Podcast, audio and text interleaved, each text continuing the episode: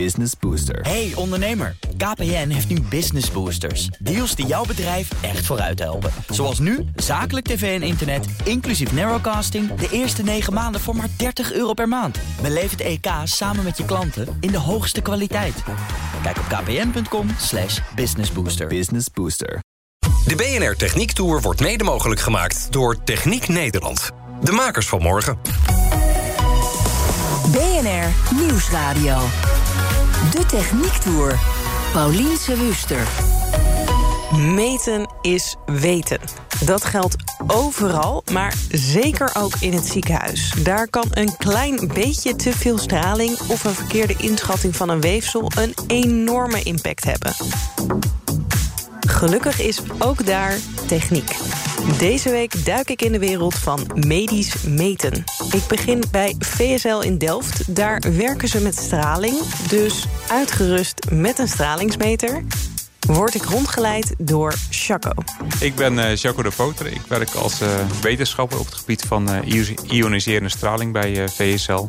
En ik hou me bezig met de ontwikkeling van standaarden. Vooral ook op het gebied van radiotherapie. En ook op het gebied van nauwkeurige metingen voor radiotherapie.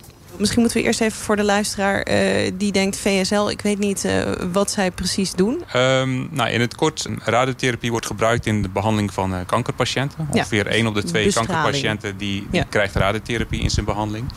En bij radiotherapie gebruik je ioniserende straling om het tumorweefsel te doden. Mm -hmm. um, de maat van afgegeven stralingsdosis is een maat voor de schade aan, aan, aan het weefsel. Dus aan het gezonde weefsel zoals aan, aan het tumorweefsel. Ja. Um, dus het is heel belangrijk dat je de afgegeven stralingsdosis ook precies kan uh, weten. Ja. Uh, nou, in ziekenhuizen hebben daar uh, de ziekenhuizen zelf meetinstrumenten voor waarmee ze dat kunnen meten. Alleen die meetinstrumenten die moeten wel gekalibreerd worden zodat je ja, zeker weet dat je zeker weet dat je ook de juiste ja. waarde meet. En uh, nou, dat kan dus bij het VSL gedaan worden. Uh, wij hebben dus uh, standaarden tegen welke je een meetinstrument voor straling kan kalibreren. Ja, dus en dat, dat, dat je kan testen dat bij mij komt er twee uit, bij jullie ook. Het zit goed. Ja, ja. en Dat, dat is ook belangrijk. Uh, sowieso voor de vergelijkbaarheid onderling van ziekenhuizen. Uh, maar er zijn ook uh, internationale protocollen voor behandelingen... Die, die een bepaalde stralingsdosis voorschrijven. Um, en ja, om aan die protocollen te voldoen... moet je ook precies weten hoeveel stralingsdosis je nou in de werkelijkheid afgeeft. De ruimtes hieromheen, dat zijn allemaal bunkers. Ja. dus daarin staat dan alle bestralingsapparatuur... waarmee we dus de bestraling kunnen uitvoeren. En, ehm, en, en die bestralingen hebben nodig dus uh, om de straling te meten. Ja. Uh, dit is dus zeg maar de centrale bedieningsruimte. Dus vanuit deze ruimte kunnen we alle afzonderlijke uh, bunkers en bestralingsruimtes kunnen we, kunnen we bedienen op afstand. Ja. Wij gaan nu zo een van die bunkers in. Dan ja. een bunker zonder straling, neem ik aan. Ja, ja. Je ziet ook, het bordje daar boven de bunker is gewoon uit. Dus ja. dat betekent dat er geen straling is. Ja. Waar we hierbij staan is nou ja, een beetje een soort grote soeppan met uh, heel veel uh, draden eraan. Dan doe ik de techniek natuurlijk uh, geen eer aan. Maar wat, wat is deze? Nou, dit, dit is dus een bak met water. Oké, okay. um, en... het water zien we hier niet. Want daar, daarnaast staat een vierkante glazen bak met water. Maar hier zit dus in de soeppan zit ook water. Ja, als je door dit venstertje kijkt, dan, dan zie je het water zitten. Uh, en dit is eigenlijk oh ja. uh, wat wij noemen een watercaloriemeter. Oké. Okay. En uh, nou ja, de naam zegt al een beetje, die meet calorieën. Ja. Dus die meet energie. Um, dus de en, calorieën die we kennen van uh, hoeveel er in een uh, boterham zit of in een kroket. Ja, maar dan niet wat er dus in die kroket zit. Nee. Maar die meet dus hoeveel straling er afgegeven wordt in het water. Ja. En als je hem dus onder uh, die bestralingsbron zet... dan kan je dus meten hoeveel straling er nou geabsorbeerd wordt in het water... Um, van, van deze watercaloriemeter. En uh, nou ja, die maat uh, stralingsdosis wordt dus uh, uitgedrukt in energie per hoeveelheid kilogram ja. water. Ja. En wij kunnen dat dus meten door de warmtetoename te meten van het water. dat doen we door hele kleine nou ja, thermistortjes. Die zitten in, in die cel die je ziet in dat water van toom. En, in, in die de glazen... Ja, wat is het? Een soort... Ja, het is een glazen cel. ja. ja.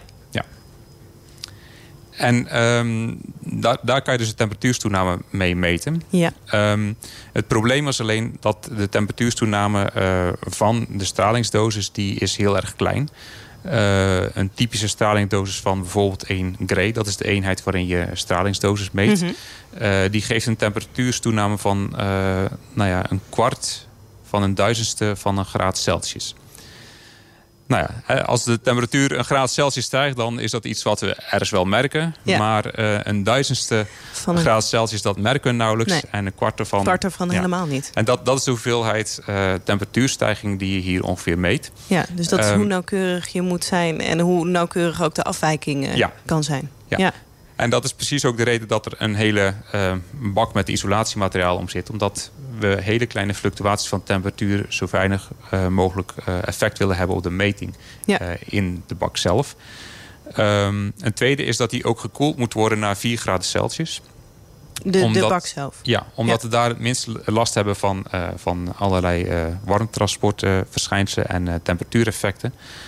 Um, en uh, een derde is dat um, de temperatuur wordt gemeten in een, in een cel ja. van ultrazuiver water. Ja. Um, omdat je ook last kan hebben van chemische reacties.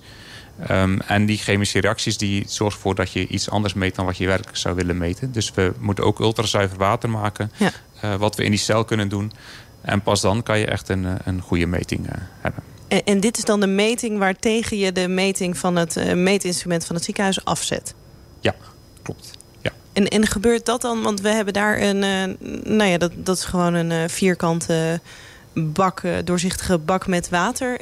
Is dat dan de opstelling waar je, normaal, waar je het meetinstrument aan zou koppelen? Of, of zit dat dan ook aan zo'n soeppan gekoppeld? Nee, het is instrument wat, wat daar in die bak met water staat. Ja. Um, ja dat, is, dat, die bak met water is eigenlijk... Um, nou ja, de, om ervoor te zorgen dat je onder dezelfde omstandigheden meet als in de, in de standaard. Ja. En uh, in de ziekenhuis wordt ook op dezelfde manier gemeten. Dus ook in een bak met water. Um, en die bak met water, um, daarin plaatsen dus een meetinstrument van een ziekenhuis. Ja. En omdat we met onze standaard weten hoeveel stralingsdosis er op een bepaalde plek in deze bundel wordt gegeven... Um, kunnen wij op die manier het instrument van een ziekenhuis... Uh, Want wat is dan het instrument van het ziekenhuis? Is dat met het dat... blauwe draadje daaraan en dan... Klopt, ja. Het, nou ja, metalen rondje is ja. het eigenlijk heel handzaam. Het is ja. uh, ongeveer even breed als uh, de zijkant van onze microfoon. Ja. ja. ja. Het is eigenlijk een, een, een holtertje gevuld met lucht. Ja. Uh, en en in, die, in die luchtholte um, ja, wordt, wordt lading geproduceerd... Um, door de straling. En dat is hetgene wat je meet. Ja. En uh, waar, hoe komt de straling binnen? Nou ja, niet nu, want wij staan hier nu. Maar ja. hoe zou dat normaal gesproken binnenkomen? Ja, dit is dus zeg maar de bestralingsbron. Ja. Uh, daar zit de bron in een kluis. Uh, en als de straling wordt gegeven... dan komt de bron uit de kluis in de bestralingspositie. En heb je hier dus een, een, een stralingsbundel. nou ja, dus dat komt eigenlijk uit deze grote... Zeg maar ja, waar lijkt het op? Een soort groot motorblok wat er hangt. Wat, heb jij nog een mooie vergelijking hier? Ja. Voor waar het op lijkt?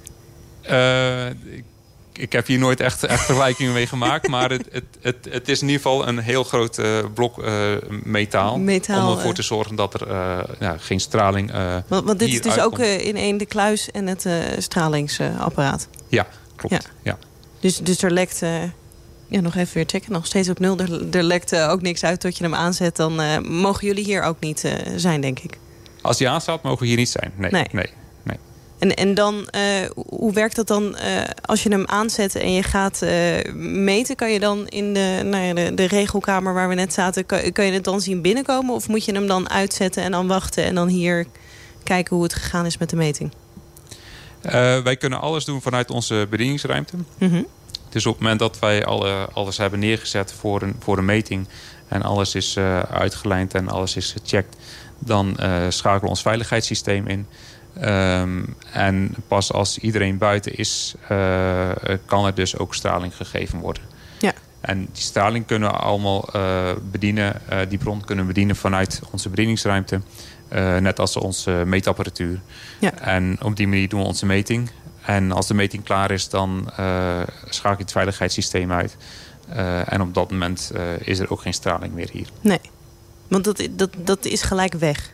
Dat is gelijk weg, ja. ja. Dus de straling die, die is zodra de bron in de kluis is, is die weg. Ja, en ik vroeg me af, waarom eigenlijk water? Waarom wordt die straling in water gemeten? Nou het menselijk lichaam bestaat voor een groot deel uit water. Ja. Um, en als je kijkt naar straling, dan is het gedrag van straling in het menselijk lichaam um, ligt heel dicht tegen het, het gedrag in water aan.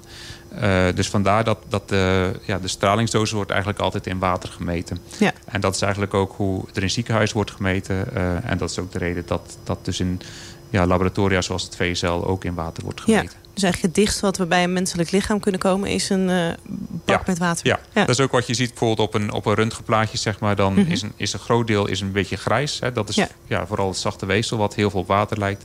En de botten die, eh, die hebben een, een, een andere tint. Ja. En ja, die, die wijken wat meer af van water, zeg maar. Ja, maar die, je bestraalt het weefsel niet. Uh, nee, je bestraalt de botten. klopt. Ja. BNR Nieuwsradio. De Techniek Tour. Paulien Sewuster. En terwijl ik mijn stralingsmeter inlever in Delft... Ga ik die teruggeven? Nou, hij staat nog steeds op nul. Gaan we op weg naar Rotterdam, het Erasmus MC. Daar word ik rondgeleid door Gijs, die zich bezighoudt met het bekijken van aderen. Ik ben Gijs van Soest. Ik ben hoogleraar invasieve beeldvorming, zoals dat heet, bij de afdeling cardiologie van het Erasmus MC. En uh, we zijn Precies. Dus we, we, werken samen met dokters die, uh, die werken aan het hart. Um, maar de, de, groep waar we hier deel van uitmaken, het biomedische technologie. Dus dat betekent dat we allerlei technische oplossingen onderzoeken die een rol kunnen spelen in de geneeskunde. En omdat we nou eenmaal uh, de cardiologen onze uh, beste vrienden zijn, kijken we vooral naar problemen van hart en vaten. Ja. En een, het groot probleem van, van hart en vaten is natuurlijk uh, patiënten met een hartinfarct of anderszins uh, uh, een coronaire probleem, problemen van de kransslagaderen. Ja. Dus die mensen die hebben pijn op de borst en dat betekent dat de hartspier niet genoeg zuurstof krijgt. Ja. En dat, kun je, dat kan komen door een vernauwing van een kransslagader. Of doordat er zelfs een, dat die helemaal geblokkeerd is door een stolsel. En dat kan eigenlijk, uh, als, als dat uh, heel acuut optreedt... dan worden die patiënten behandeld door een, door een dotterbehandeling. Dus dan wordt met een ballonnetje wordt dat vat weer opengemaakt... en er wordt een stent geplaatst die het vat openhoudt. Ja, nou, dus dan is, een... is, de blokkade die wordt op die manier verholpen. Precies, en dan is het vat weer open en dan kan het bloed weer stromen. En dan is de pijn op de borst vaak ook heel snel voorbij. Um, en wat wij nu hier willen doen is proberen te voorkomen dat die patiënten die zo behandeld worden, um, dat die nog weer een nieuwe hartinfarct krijgen.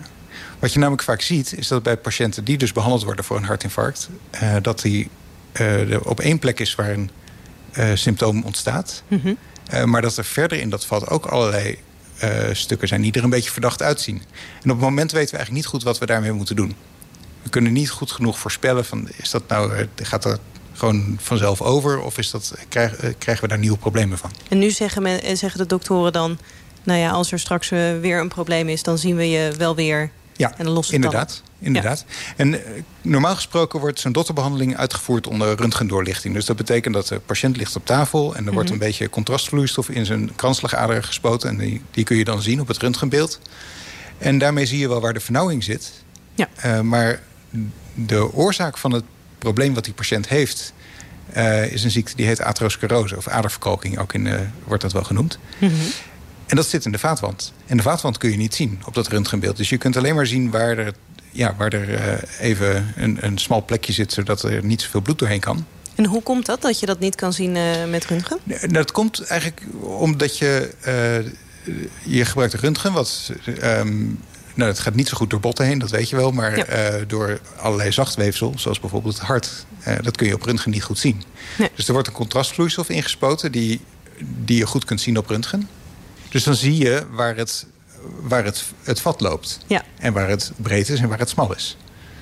Maar je kunt niet zien wat precies de, het, het, waar het vat de, de vaatwand is. Waar, uh, hoe die eruit ziet op de plek waar die smal is of waar die breed is. Of um, of er nog ergens anders een stuk stolsel zit.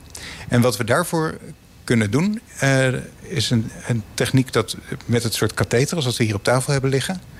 Dat is dus een, soort uh, dun buisje. Dat lijkt op de ballon die ze gebruiken om uh, het vat open te maken. Mm -hmm. um, maar zo'n zo'n katheter die kan een plaatje maken. Ja. En dat kan met licht of het kan met ultrageluid. En wat we hier doen is ultrageluid. Dus je maakt een, gewoon, net als dat er een echo gemaakt wordt van, van een baby in de buik. Dat kan ook in een heel kleine vorm, kun je dat doen met een katheter.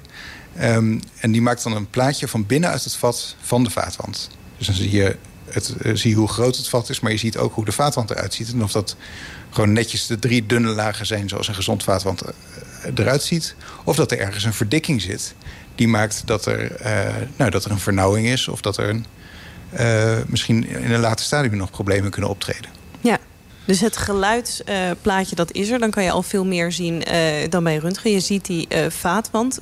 wat is dan die stap met licht erbij? Wat, wat, kan je dan extra nog zien? Ja, dat is dus iets waar we nu hier sinds een paar jaar onderzoek naar doen. Um, dus we kunnen met dat ultrageluid kunnen we zien of het vat ziek is of niet. Ja. en en hoeveel verdikking er optreedt. Um, maar wat voor de, de kans voor opnieuw uh, hartinfarct en andere mm -hmm. problemen... om dat goed te kunnen inschatten... moeten we ook kunnen zien waar zo'n verdikking van gemaakt is. Of dat een soort bindweefselachtig spul is. Wat, nou ja, het is niet zo heel hard, maar wel redelijk stevig. of dat het kalk is, wat wel hard is en ook stevig. En bijvoorbeeld als je zo'n ballon wil opblazen en er zit veel kalk, dan is dat ook een probleem. Dus dat is ook iets wat een interventiecardioloog graag wil weten. Dus je wil het en weten voor de behandeling en ja. voor de ontwikkeling van de ziekte? Ja, en de cruciale, het cruciale element in, in wat we hier proberen te zien... is cholesterol en andere vetten in de vaatwand. Dus als, als je een ophoping hebt in de vaatwand van, uh, van dat soort materiaal... Mm -hmm. dus, uh, uh, dat is echt een soort vetgeprut wat er dan in zit... Um, dat kunnen we nu met dat ultrageluid niet goed zien. Dat ziet er eigenlijk hetzelfde uit als bindweefsel. Ja. Maar het is, de, de vooruitzichten zijn heel anders. Want dat, uh, die, dat vettige materiaal dat is niet stabiel. Dus als dat op de een of andere manier losraakt... omdat, uh, omdat zo'n zo'n verdikking scheurt of anderszins kapot -hmm. gaat... dan komt dat in de bloedbaan en dat geeft een stolsel. En dat vorming van een stolsel in de bloedbaan... dat kan een hartinfarct veroorzaken. Ja.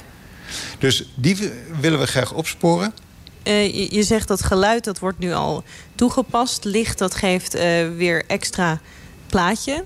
Maar doen we dat dan nu ook al bij patiënten? De techniek die we, waar we het nu over hebben, dus fotoakoestiek... Mm -hmm. uh, die wordt niet toegepast bij patiënten nu. Dat is een de, de, fotoakoestiek bestaat natuurlijk al een tijdje... maar om dat te, zo te miniaturiseren in zo'n katheter... Um, dat is toch best wel complex. En om in de kransslagaderen te kunnen dat moet een millimeter groot zijn. Ja. Inclusief het buisje wat er omheen zit enzovoort. Dus dat betekent dat dat echokopje is een halve millimeter in diameter. Afleveren van het licht moet door een, een, een, glasvezel van 100 micrometer. En dat moet een spiegeltje op zitten. En je moet een lensje hebben. En, je moet, en dan moet een, een, een soort... Uh, een, die flexibele as die er omheen zit... die zorgt dat, het kan, dat als je aan de voorkant draait... dat het aan de achterkant meedraait. Um, dat is uh, 0,7 mm in diameter. Dus het is allemaal heel klein. Het moet allemaal heel precies worden geassembleerd. Ja. En dat is dus uh, best een complex probleem. Maar toch zie ik het hier voor me liggen, of niet? Ja, dat klopt. Hier zie je een van onze uh, prototypes liggen. Um, dit is gemaakt hier in onze uh, de afdeling experimentele medische instrumentatie. Uh, heten die mensen. Dus die, zijn, die, die kunnen um, nieuwe medische techniek maken in, in kleine oplages.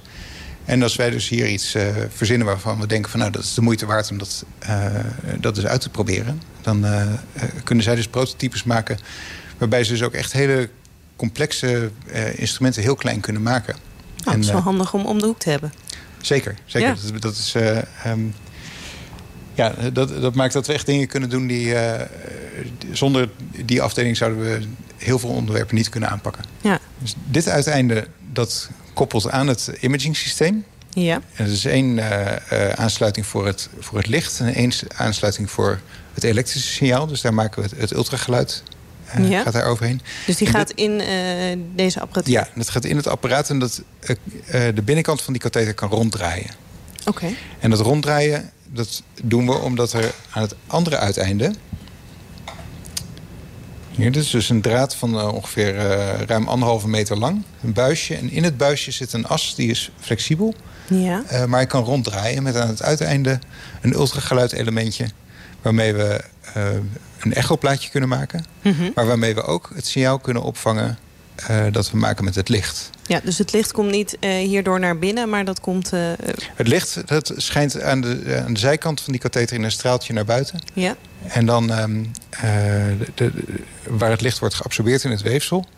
daar warmt het weefsel heel even op. Ja. En dat maakt een geluidje. En dat kunnen we weer horen met het ultrageluidelementje. Ah, dus zo werkt dat slim het is met zoiets als, Het is zoiets als onweer. Dus je hebt, uh, bij onweer heb je de bliksem, dus een lichtflits. En dan tel je de seconden totdat je de donder hoort... en dan weet ja. je hoe ver de bliksem is ingeslagen. Ja.